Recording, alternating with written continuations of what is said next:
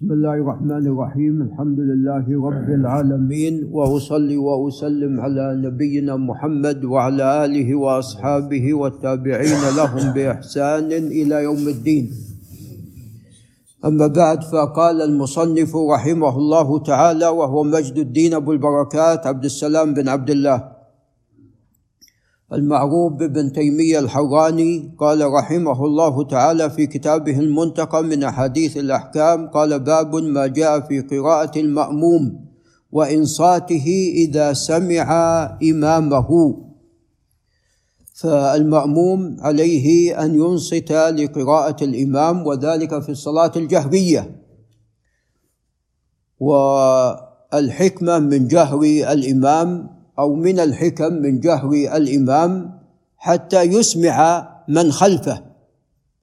فإذا كان المقصود إسماع من خلفه اذا ما فائدة من خلفه عندما يقرأ؟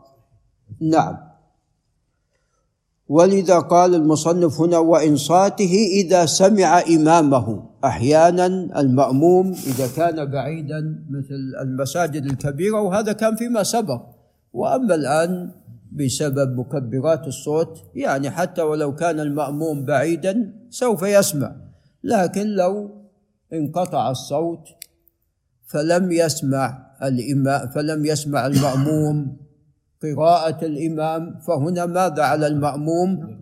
أن يقرأ. الفرض عليه في هذه الحالة أن يقرأ. قال عن أبي هريرة رضي الله عنه أن الرسول صلى الله عليه وسلم قال إنما جعل الإمام ليؤتم به. ثم بين ما المقصود بالائتمام قال فإذا كبر فكبروا وإذا قرأ فأنصتوا. وفي احاديث أخرى وإذا ركع فاركعوا نعم إلى آخره. فيأتم المأموم بالإمام وذلك بأن يقتدي بالإمام في يكبر بعده ويقتدي به ويركع بعد ركوعه ويرفع بعد رفعه وإذا سلم يسلم بعده. الشاهد من هذا قال وإذا قرأ فأنصتوا.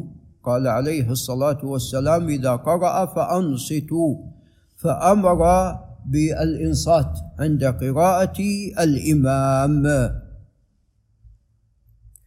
قال رواه الخمسة إلا الترمذي وقال مسلم هو صحيح.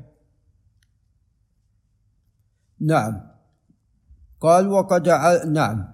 قال وعن أبي هريرة رضي الله تعالى عنه أن رسول الله صلى الله عليه وسلم انصرف من صلاة جهر فيها بالقراءة.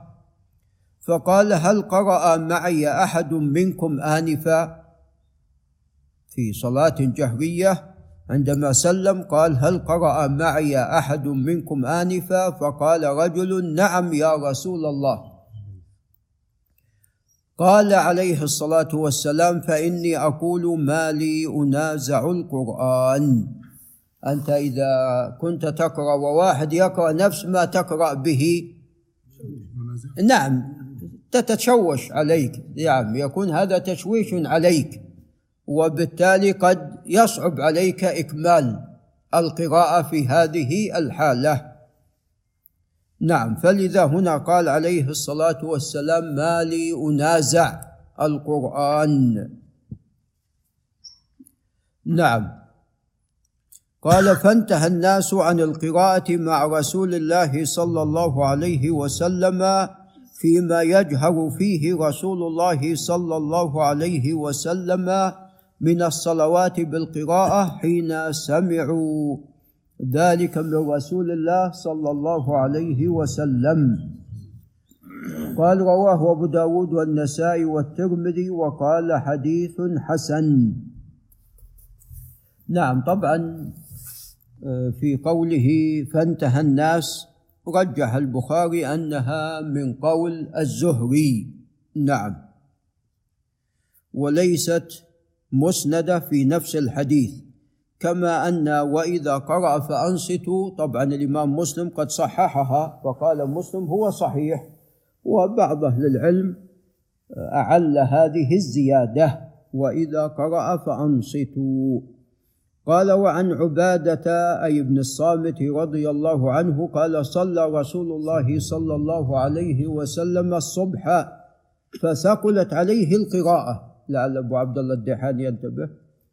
قال فثقلت عليه القراءة فلما انصرف قال إني أراكم تقرؤون وراء إمامكم.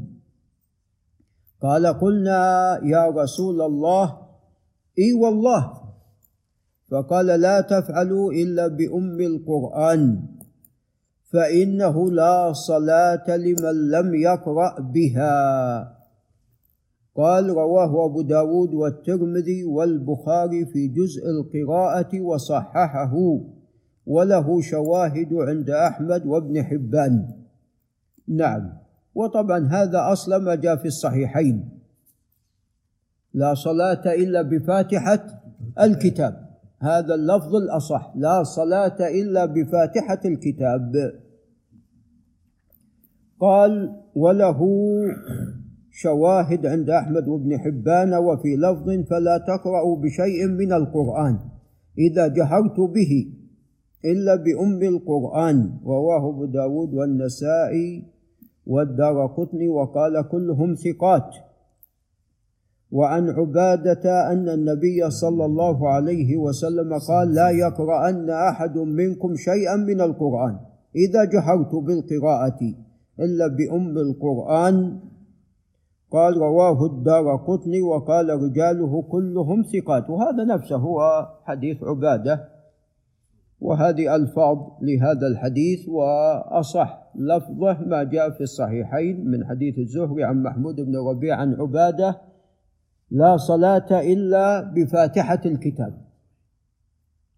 قال وروى عبد الله بن شداد أن رضي الله عنه أن النبي صلى الله عليه وسلم طبعا مرسل هذا عفوا مرسل عبد الله بن شداد تابعي كبير أن النبي صلى الله عليه وسلم قال من كان له إمام فقراءة الإمام له قراءة.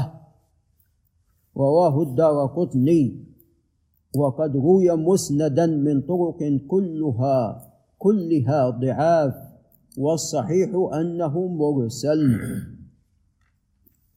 قال وعن عمران بن حسين رضي الله عنهما أن النبي صلى الله عليه وسلم صلى الظهر فجعل رجل يقرأ خلفه سبح اسم ربك الأعلى فلما انصرف قال أيكم قرأ أو أيكم القارئ؟ قال رجل أنا فقال لقد فقال قد ظننت أن بعضكم خالجنيها متفق عليه. والخلاصة كما تقدم إن تيسر للإنسان أن يقرأ الفاتحة ولا يشق عليه فليقرأها.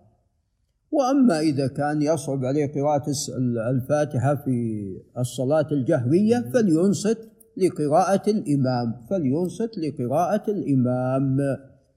نعم. هذا وبالله تعالى التوفيق.